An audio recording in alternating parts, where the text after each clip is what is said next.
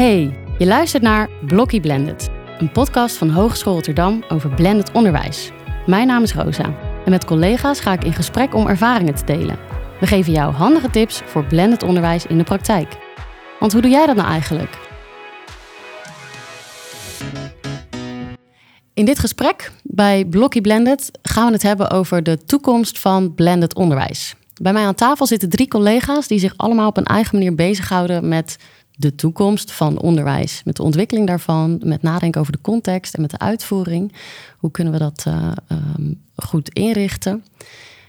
Ik uh, ben heel benieuwd naar al jullie inzichten. En ik wil jou vragen, Joep, uh, jezelf even voorstellen. Ja, nou, ik ben Joep Tempelaar. Ik ben ontwerper van origine. vier jaar geleden gestart bij Creative Marketing Sales als docent. Dankjewel. En Astrid, wat is jouw rol op de hogeschool? Nou, mijn naam is Astrid Smit en mijn rol is projectleider onderwijs uh, innovatie bij de Business School van de Hogeschool Rotterdam. Uh, bovenal voel ik me trouwens docent. Uh, 15 jaar geleden gestart als docent bij de hogeschool. En ik kom uit het bedrijfsleven bij een bank vandaan. Dankjewel. mijn naam is Zakja Gwenina. Ik ben lid van het college van bestuur van de hogeschool sinds drie jaar. Uh, en daarvoor kwam ik uit het bedrijfsleven. Dus jullie hebben allebei uh, een hoop uh, ervaring opgedaan in het bedrijfsleven en kwamen toen de Hogeschool Rotterdam binnen. Wat viel jou toen op, Astrid? Um, nou, ik weet wel dat ik vrij verrast was, um, gestart bij een opleiding, dat er vrij monodisciplinair gedacht werd. Um, en ook dat studenten toch wel heel erg vanuit de eigen opleiding inzichten kregen aangereikt en nog niet zo heel veel in aanraking kwamen met andere disciplines. Als je dan net zelf uit bedrijfsleven komt, waar het heel gebruikelijk is, zelfs nodig om met andere disciplines uh, samen te werken, gewoon om, om je werk te kunnen doen en om resultaten te bereiken en klanten goed te kunnen adviseren, vond ik dat um, ja, toch wel verrassend. Dus vanaf dat moment heb ik me al wel sterk gemaakt om verbindingen te maken en studenten in aanraking te laten komen uh, met andere disciplines in het onderwijs. En is dat uh, disciplines met elkaar in aanraking brengen, is dat dan ook een belangrijk onderdeel van dat nieuwe jaar drie en vier? Ja, maar nog sterker dan alleen in aanraking brengen. Als je het hebt over blenden, we proberen ze echt ook um, uh, te blenden.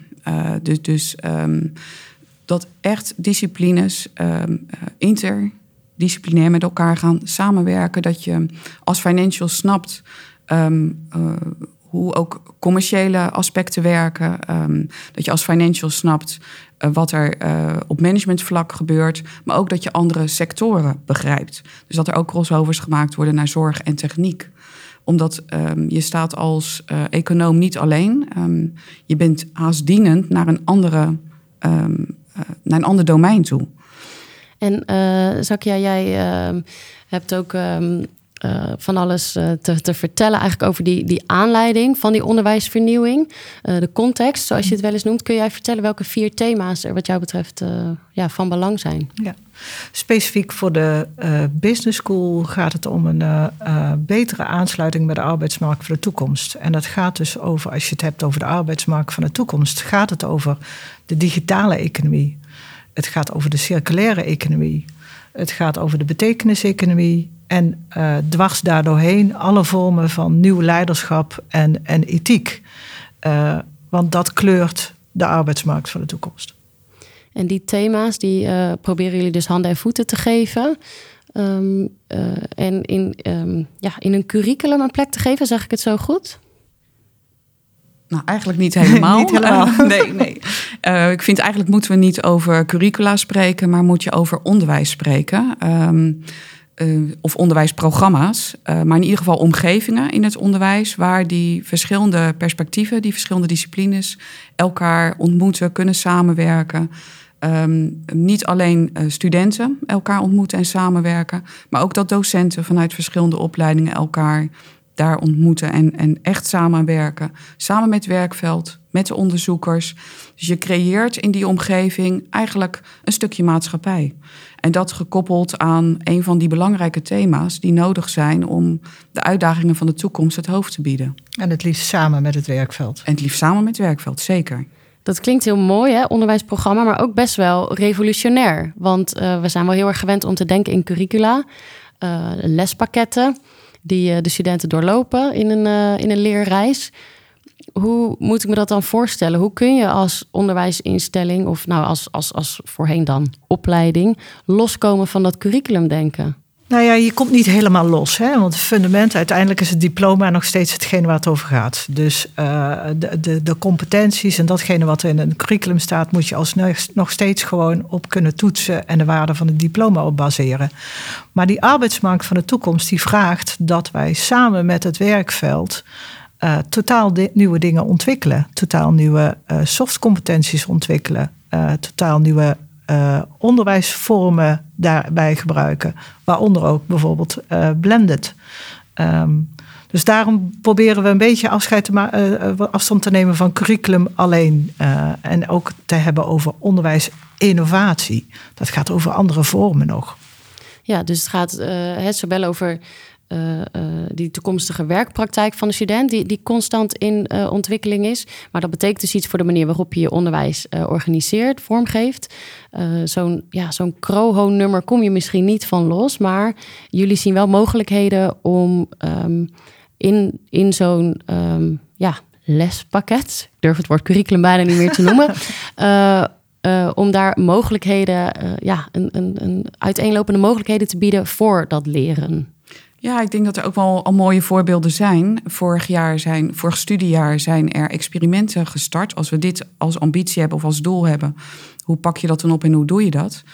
Uh, en dat betekent heel concreet dat er uh, vanaf september een, een, groep studenten vanuit verschillende opleidingen zijn rondom het thema betekeniseconomie. Dus met het werkveld, met een organisatie, sterker nog verschillende organisaties, gemeente Rotterdam en nog andere partijen, uh, zijn we gestart met een groep multidisciplinaire uh, collega's, uh, docenten en studenten, samen met werkveld op het thema betekeniseconomie impact maken. en dat door middel van afstuderen. Mooi, dus die partijen vinden elkaar en die werken op die manier echt samen aan, ehm, aan zo'n ja, leeromgeving. Een realistische leersituatie die, die, die eigenlijk uh, de realiteit al is. Hè? Dus niet eens meer nabootst, maar al uh, een, een, een daadwerkelijk vraagstuk is. Waar, waar interdisciplinair gewerkt moet worden. Waar, inderdaad, waar interdisciplinair gewerkt moet worden om dat vraagstuk het hoofd te bieden of daar oplossingen uh, voor te vinden. En het mooie is dat die collega's vanuit die verschillende opleidingen, die hebben zelf de ruimte gevonden. Um, om dat te kunnen doen. Dus ik heb destijds ook we hebben samengewerkt en ook gezegd van hoe doe je dat dan nu? Hoe, hoe vind je vanuit je eigen curriculum dan toch die gemeenschappelijke ruimte om dat te kunnen doen? En, en dan zie je dat ze zelf tot oplossingen komen. Dus dat komt bij de docenten zelf vandaan, omdat zij ook echt die urgentie uh, zien. En ook, uh, ook zelf interdisciplinair wilden samenwerken met, met andere collega's. En daar is ruimte gevonden. Dus die dus flexibiliteit die hebben ze eigenlijk um, ja, moeten creëren met elkaar uh, om elkaar uh, um, om zo'n opdracht mogelijk te maken. Ja, en het is niet altijd makkelijk hoor, daar moet ik er gelijkertijd bij zeggen. Um, maar denk ik, ja, wat op kleine schaal lukt, waarom kan het ook niet op grotere schaal dadelijk gaan lukken? Een van die andere vier thema's is leiderschap, hè, begreep ik. En uh, een aspect daarvan is dan weer ethiek. Joep, jij hebt een heel tof voorbeeld van uh, hoe jij ja, het werken aan ethiek of aan ethisch besef, als ik het zo mag zeggen, um, ja, hoe jij dat um, bij studenten uh, onder de aandacht bracht. Kun je wat vertellen over die game? Ja, klopt. vier jaar geleden ben ik daarmee begonnen. En heb ik samen met collega's heb ik een, een, een game ontworpen. Een, een pervasive game. Uh, dus daarmee, uh, dat, die term betekent dat we de, de, de grens tussen echt en tussen spel gaan opzoeken. En um, in dat spel worden studenten geconfronteerd met uh, ethische vraagstukken. dus opdrachtgevers die discrimineren bijvoorbeeld. En omdat daar een echte opdrachtgever voor je neus staat, waar zij van niet weten dat het een acteur is, ehm, krijg je heel een soort van natuurlijk gedrag. Ten opzichte van performance behavior wat je bijvoorbeeld bij een tentamen krijgt. En nog heel even uh, concreet, die game, hoe ziet dat eruit? Wat moet ik me daarbij voorstellen? Waar, is het digitaal? Is het offline? Het is uh, offline. Ehm, hè, dus, je, dus je bent fysiek bezig. Je hebt echte mensen voor je neus. Je werkt met echte mensen samen. Uh, maar sinds corona hebben we eigenlijk een, een, een doorontwikkeling gemaakt. En hebben we nu ook een, een digitaal platform. Wat heel veel van die handelingen soort van uh, uit handen neemt, als het ware. En studenten krijgen daar dus een opdracht, hebben te maken met een, uh, een acteur, maar dit is dus een spoiler. Uh, mm -hmm. En in die, in, ook in die digitale omgeving krijgen zij opdrachten waar ze aan gaan werken. Ja. hoe zijn de reacties van studenten daarop? Is het gelukt om ze ethisch besef bij te brengen? Um, absoluut, zeker. Um, er zijn een aantal um, versies van deze game geweest en uh, reacties zijn uh, heel vaak heel mooi. Uh, ik kan me nog goed een, een, versie herinneren voor de opleiding Global Marketing Sales. waarin een groep jongens die eigenlijk altijd een beetje met de pet eraan gooiden, nu aanstonden en, en zeiden van hé, hey, hier hebben we echt wat aan gehad.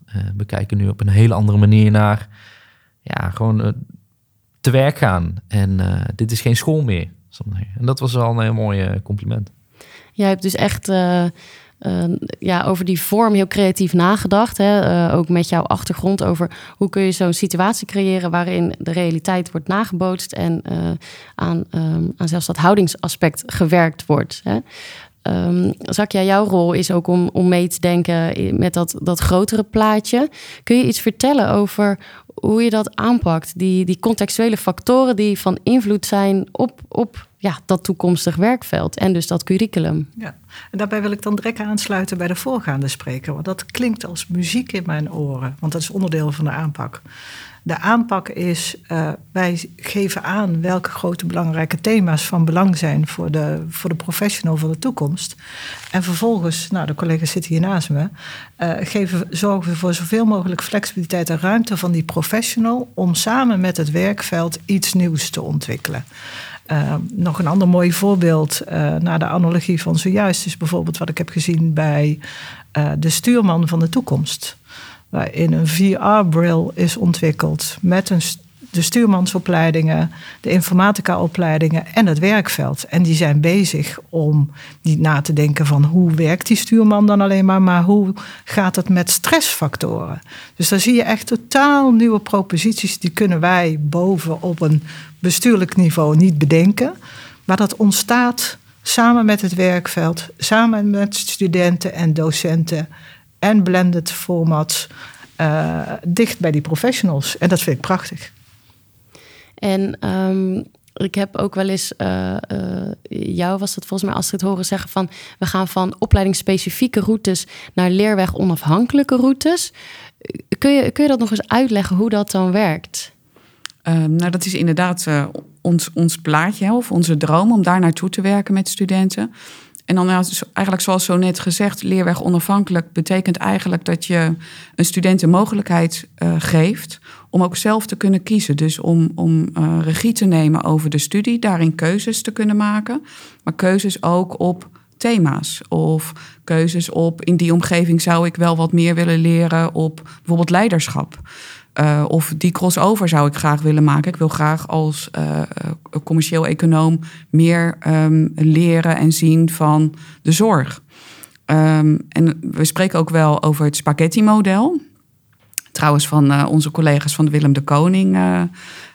Ook, ook, daar ben ik echt wel door geïnspireerd. En dat wil zeggen dat um, als spaghetti gekookt is, dan worden het hele uh, flexibele sliertjes. Zo zou je ook de route, de student journey van een student kunnen zien. Um, in plaats van ongekookte spaghetti, wat heel star en, en, en ja, in één richting gaat. Zeg maar, dat is de oude situatie. En wij willen graag naar die hele flexibele routes, waarin een student um, ja, leerweg onafhankelijk, zeggen we dan zo mooi um, ja, eigenlijk zijn pad kan kiezen. Maar hoe waarborg je dan nog de kwaliteit van zo'n diploma? Ja, dat zijn uitdagingen waar we nu voor staan. Um, en op zich, uh, we hebben natuurlijk de in de huidige structuur zoeken we het nu.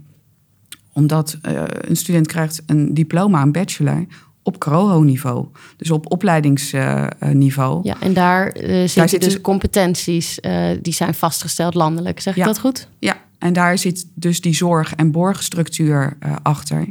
Um, en in die nieuwe routes die we nu aan het ontwikkelen zijn, um, uh, dat, dat passen we in die zorg- en borgstructuur. En nogmaals, dat zijn wel de uitdagingen waar we nu wel voor staan hoor. Ja, want wat is dan eigenlijk als we eh, zo'n diploma nog steeds af willen geven? Wat, wat maakt het dan anders, de manier waarop we nu de nabije toekomst gaan invullen? Wat maakt dat anders dan hoe het was?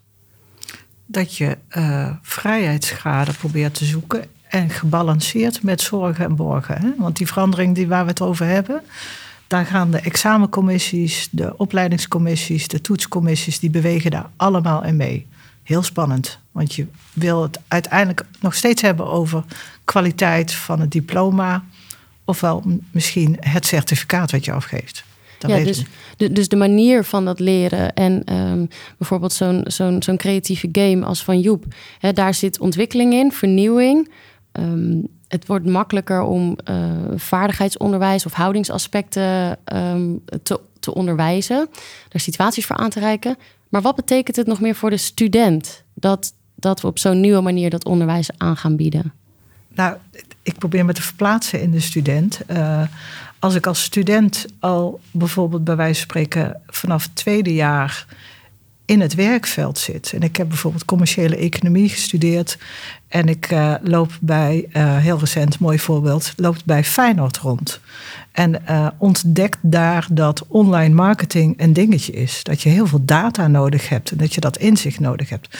Maar ja, dat zit niet in mijn curriculum. Dan zou je toch de vrijheid willen hebben om af en toe een beetje naar links en naar rechts te kijken en iets anders uit te proberen. En ik denk dat je daar ook een, um, een bepaald, ja, de growth mindset voor moet hebben natuurlijk. En ik denk dat de systemen in de hogeschool moeten daar ook nou ja, de ruimte aan kunnen geven om dat te kunnen doen. Wat is die uh, growth mindset? Dat je uh, meer intrinsiek gemotiveerd bent om iets te doen dan extrinsiek. Dus uh, iets voor een cijfer doen. ja, dat is gewoon niet interessant. Nee. Ze moeten het doen vanuit passie, vanuit dit vind ik tof, dit wil ik leren. Ehm, en, en daar moet, nou, vind ik, onze school moet daar de ruimte in, maar zeggen, bouwen dat dat ook gevoeld kan worden. Um, dat vraagt natuurlijk heel veel van inderdaad collega's. Uh, studenten die nemen ook zo'n ontwikkeling waar. Wat betekent dat voor de rol van de docent? Um, voor mij persoonlijk, mijn, mijn hoe zeg je dat? Mijn docentstijl is dat ik mezelf heel erg naast mijn studenten zet. Bij een ander project waar ik uh, aan gewerkt heb, hebben we bijvoorbeeld een paar regels. Namelijk, de docent presenteert altijd eerst. En wat is de reden dat je die docent eerst presenteert? Wat... Eh, het creëren van een veilige leeromgeving. En ik denk dat dat echt fundamenteel is voor alles wat, eigenlijk, wat wij hier tot nu toe gezegd hebben. Is dat wel echt uh, een voorwaarde. En uh, ik denk dat docenten moeten dat voor hun studenten doen. En, en, en, en, en andere mensen in de organisatie moeten dat ook weer voor docenten doen. Dat zij dat ook voelen. Kijk je daar ook zo naar, Astrid? Ja, ik vind het heel mooi wat je zegt. Want inderdaad, eh, creëren van een veilige leeromgeving... maar ook die binding uh, creëren met je studenten. En dat doe je alleen maar door het samen met ze te doen. Dus inderdaad, uh, ik zie de rol van docent veel meer verschuiven naar uh, coach, begeleider en ook medelerende. Samen trouwens met het werkveld en onderzoekers. Dat wordt gewoon een, een club, een, een, een community haast, die samen uh, uh, leren, werken en oplossingen gaan bedenken voor die ingewikkelde problemen die op ons afkomen. Dat is wel mooi dat je dat zegt, ja, want dan heb je het dus niet alleen over het leren van de student, maar ook over de docent. Misschien zelfs wel het zijn van een lerende organisatie. Absoluut. Ik, ik zit met vol plezier te luisteren naar wat ik hoor. Want wij hadden bij aanvang, hè, toen ik die thema's introduceerde, toen zei ik het gaat over de arbeidsmarkt van de toekomst. En we weten met z'n allen niet, zowel werkveld, onderwijs, studenten, waar dat naartoe gaat. En ik uh, vind het prachtig om te horen dat een docent moet ook intrinsiek gemotiveerd worden door purpose economy. En dat zie ik nu ook ontstaan. En daarbij zich in een veilig wanen om daarover te gaan leren en zich daarin te ontwikkelen. En dan didactisch coachend te zijn richting student. Mooi. Um, ik wil ook nog eventjes uh, ingaan op dat uh, flexibele van zo'n leerroute. Het doet denken aan een uh, flexibele leerreis, maar um, hè, eh, volgens mij gaf jij dat net al aan, Astrid, of nee, Zakja gaf dat aan, van hey, een student komt erachter, ik zou meer willen weten over big data of over data-analyse. Dus die kennis wil die ergens buiten of binnen de hogeschool uh, ophalen om zijn product weer tot een beter einde te brengen. Uh, dat doet een beetje denken aan shoppen natuurlijk. En in een meest ideale situatie vanuit de student geredeneerd is dat misschien ook zo. Hij kan overal wat kennis vandaan halen. Maar zo'n zeer flexibele um, leerreis heeft, heeft ook wat frictie misschien met um, leren als sociaal proces. Ja, absoluut. Hoe, hoe, hoe kijk je daar? Ja, ja, ja, dat is heel belangrijk dat je dat aanhaalt. ons, onze gedachtegoed is dat we eigenlijk in de eerste twee jaar een student nog heel dichtbij willen houden. Uh, dus als je van commercieel bent, willen we je eerst helemaal omarmen met commercieel. Want je moet je eerst nog gronden, je moet eerst nog socialiseren, je moet eerst een stevig fundament hebben, alvorens je kan uitwaaieren.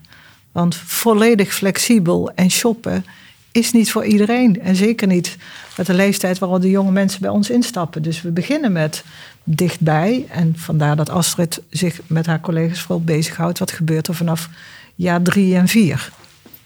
Ja, dus daar is, uh, is goed over nagedacht. Dat daar een uh, bepaalde ontwikkeling in zit. En dat ze ook een bepaalde basis hebben. Dus, dus dat je wel begint in een bepaalde... Uh, in een, in een bepaalde discipline.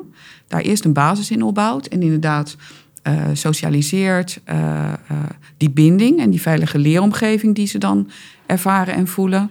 Ehm, want vanuit daar, op het moment dat je, ja, zeg maar, je als, als persoon ook op een bepaalde manier hebt kunnen ontwikkelen en je daar veilig in voelt, dan kunnen we ook werken aan, aan die intrinsieke motivatie. Aan een bepaalde mate van zelfstandigheid. zodat ze vanaf jaar drie en vier uh, beter keuzes kunnen maken. En ook beter richting kunnen geven aan het eigen leerproces. Ja, en die um, uh, ontwikkeling toch nog eventjes van die docentrol. Uh, dat, dat is niet niks wat je vraagt hè, van collega's. Want er leeft natuurlijk nog bij veel collega's toch wel het idee van... ja, wat onder andere zo leuk kan zijn aan docentschap... is gewoon lekker vertellen en de kennis delen met je studenten. Wat betekent dat uh, voor de organisatie van je onderwijsteam? Neem jij niet waar in jouw docententeam dat collega's soms moeite hebben met die ontwikkeling van het traditioneel doseren, zo gezegd, naar die coachende rol, dat naast die student gaan staan? Die zijn er. Alleen uh, wat bij ons ook heel mooi is, is dat bijna iedereen coach is. Uh, ik ben coach, maar ik ben ook docent. en daarmee krijg je dat je dus nou ja, je bent ook coachend bezig tijdens dat je lessen geeft. Of dat je als je iemand op de gang ziet, dus je vraagt, hey, hoe is het met je vader? Hoe kijk jij daarnaar, Astrid, als je um, bezig bent met dat jaar drie en vier? Docenten hebben verschillende rollen daarin. Heb jij een bepaald ideaal? Zouden die rollen gescheiden moeten worden? Of, of is het inderdaad zo dat elke docent ook coach zou moeten zijn? Mm, nou, dat, ja, lastig. Maar dat, zo kijk ik er op dit moment nog niet naar. Ik vind dat niet iedere docent per se coach uh, hoeft te zijn. Ik denk dat we veel meer uh, moeten kijken naar wat zijn nu echt ieders capaciteiten. Uh, maar ook waar ligt ieders passie. Om meer te komen tot een, een, netwerkstructuur, zo zie ik dat voor de toekomst vormen. Waarin je misschien rondom onderwijsprogramma's, die dus multidisciplinair zijn op thema's en waar we impact willen bereiken met, met studenten en met elkaar, dat je gaat kijken welke collega's, welke docenten passen daarbij. En dat kan zijn op kennisniveau, dat kan zijn omdat um, je daar een bepaalde begeleiding nodig hebt of een bepaalde coaching nodig hebt. Dus ik denk als we goed in de organisatie weten wat ieders capaciteiten zijn en of dat dan ligt op kennisniveau, op onderzoeksniveau, op, op, op coaching, uh, daar de ideale mix in vinden. Dat zou wat mij betreft wel een ideaal plaatje kunnen zijn. Maar dan, ik realiseer me ook terwijl ik dat zeg, dan denk ik dus niet in uh, opleidingen, SEC of opleidingsteams. Maar dat je um, eigenlijk meer uh, flexibele teams ook krijgt rondom bepaalde programma's. En dat je daarin ook gaat switchen. Dat klinkt mooi en ik kan me ook direct voorstellen als docent van wow, wat komt er dan op me af? En dat realiseren we ons. Uh, want eigenlijk hetzelfde wat je bij die student vraagt, hè, uh, nadat zij of hij in de eerste twee jaren even fundament hebben opgebouwd om daarna uit te waaieren. Dat vragen we ook van onze collega's. en we kijken daarbij nog niet direct naar het functiehuis, maar we zijn op zoek naar, wat zojuist ook werd gezegd door Joep, de intrinsieke motivatie van elke docent. De ene docent voelt zich comfortabeler bij het overbrengen van gewoon kennis. De andere voelt zich comfortabeler door samen het werkveld in te gaan. En dicht bij je eigen intrinsieke motivatie en je capaciteit gaan we op zoek naar nieuwe rollen. Die nieuwe rollen, ehm, dat hangt ook samen met de professionalisering van de medewerkers, van de docenten. Hoe zouden we daaraan kunnen werken met elkaar? Het verwerven van die nieuwe vaardigheden als docent. Ja. Uh, ja, zeker moeten we aan werken. En uh, dat komt weer terug op die mooie opmerking die je net maakte, de lerende organisatie. Want wij zijn daar ook in aan het leren. Natuurlijk hebben we de HR Academy. Uh, we hebben onder andere in de business school, maar dat is ook in de technieksector, hebben we zoiets als het blended learning platform. Hè? Uh, dus we zijn samen, terwijl we aan het doen, zijn we dat aan het ontwikkelen. Je kunt daar niet een, een eenheidsformule op neerleggen en zeggen van zo ga je het doen. Uh, dus ja, we moeten gewoon maximaal ruimte zien te creëren en faciliteren. Dat je je als docent allereerst uitgedaagd voelt om dat te doen. Dat je daar niet bang voor bent veilige leeromgeving. Zelfde analogie als bij student. En dat we het dan vervolgens ook beschikbaar stellen. Dankjewel. Um, de tijd vliegt. Uh, ik ben benieuwd of jullie uh, nog mee kunnen denken met collega's over uh, tips. Als je nadenkt over de toekomst van het onderwijs. jullie zijn er allemaal op je eigen manier mee bezig. Wat zijn dan belangrijke ontwerpprincipes die wellicht voor elk instituut gelden? Um, ik denk als we aan de toekomst denken, dan denken we heel vaak over technologie. En technologie heeft er zeker een rol in. Uh, maar niet technologie voor technology sake doen. Uh, waar ik onze collega's eigenlijk liever in zou willen uitdagen, is zoek die menselijkheid juist op. Zoek die empathie op, zoek die creativiteit op. Alles wat machines niet kunnen. En jij, Astrid? Um, nou, als ik dan aan onderwijsprogramma's denk, um, dan zou ik als tip mee willen geven: laten we uh, leerdoelen loslaten en laten we meer gaan werken met leeruitkomsten. Want daarin vinden we elkaar wat sneller dan um, dat je per opleiding leerdoelen uh, afspreekt met elkaar. En, en, en, laten we veel meer dan wat we nu doen, uh, ons gaan verbinden op die thema's. Vanuit het experiment afstuderen en ook andere experimenten die we vorig studiejaar zijn gestart, hebben we geleerd dat uh, het heel belangrijk is om in de organisatie ook ruimte te creëren. Dus um, gek genoeg van hoe, hoe doe je dat nu? Studenten laten samenwerken als ze allemaal in een ander rooster zitten. Uh, hoe doe je dat nu? Docenten laten samenwerken als ze zo vol zitten in een uh, bepaald rooster. PTD. Ja, PTD. en dat betekent gewoon iets in je organisatie. dus, dus dat we anders gaan nadenken of oplossingen vinden uh, voor dat soort eigenlijk hele praktische zaken. Maar die praktische zaken, als we die niet oplossen, uh, ik signaleer nu, kunnen ervoor zorgen dat uh, juist die mooie dingen die we met elkaar aan het opzetten zijn, met werkveld, onderzoekers, met elkaar, dat het niet gaat werken.